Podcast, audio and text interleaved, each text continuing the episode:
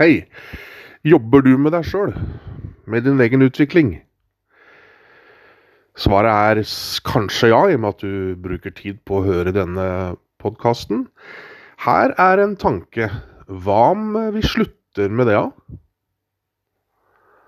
Hva om vi slutter ikke helt, kanskje? Det er, det er ofte at svar i verden ikke er svart-hvitt og av og på, og enten-eller. Det er ofte litt i midten. Men det, det der med hele tida jobbe med seg sjøl Hva om vi satte det på litt pause, da?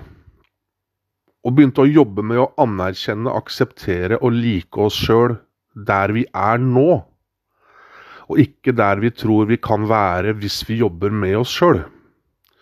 Sette jobbe med oss sjøl på pause, og trykke play på å begynne å like oss sjøl der vi er nå.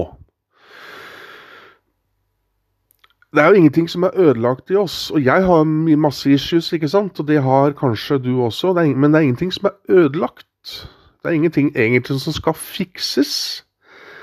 Vi er mennesker og ikke maskiner. Og ved å begynne å anerkjenne, akseptere og like det som er i dag, så er det faktisk også min erfaring i forhold til min egen dep- depresjon, så er det lettere å begynne å jobbe med det. Hvis du først anerkjenner det og begynner å like det. Det er også som din indre kritiker, din eh, dommer på skuldra, som forteller deg negative ting. Noen lærer bort at man skal Ja, du skal tegne dommeren din, eh, kritikeren din, og så skal du brenne det papiret, og så skal du si 'nok er nok'. Og det, det har noe i seg, det, sånn sett, altså den derre energien man kan få av det. Samtidig opplever jeg også at eh, den indre kritikeren din er et redd barn. Eh, en, en redd versjon av deg da du var barn. Så heller omfavne den. Anerkjenne den. Bli glad i den. Da er det lettere at den eh, blir svakere. Som med min depresjon. Ja, først da jeg anerkjente, aksepterte, omfavna depresjonen.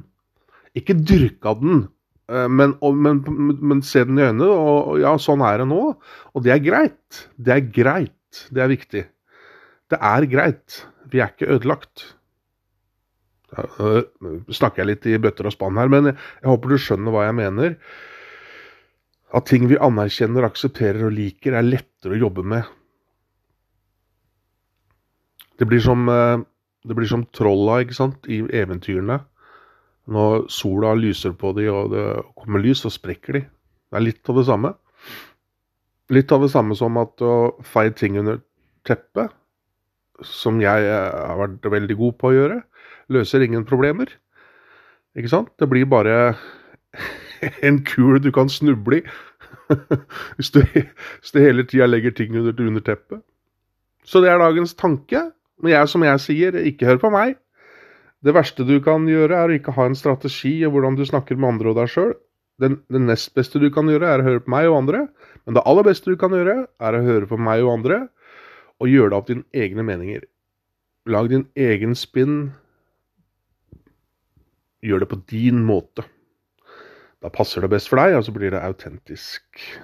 Så dette var en liten tanke både i forhold til hvordan du kommuniserer med deg, og har godt selskap i ditt eget liv med deg selv, men også en tanke i forhold til et barn, ungdom, som er veldig opptatt av å jobbe med seg sjøl, ikke sant?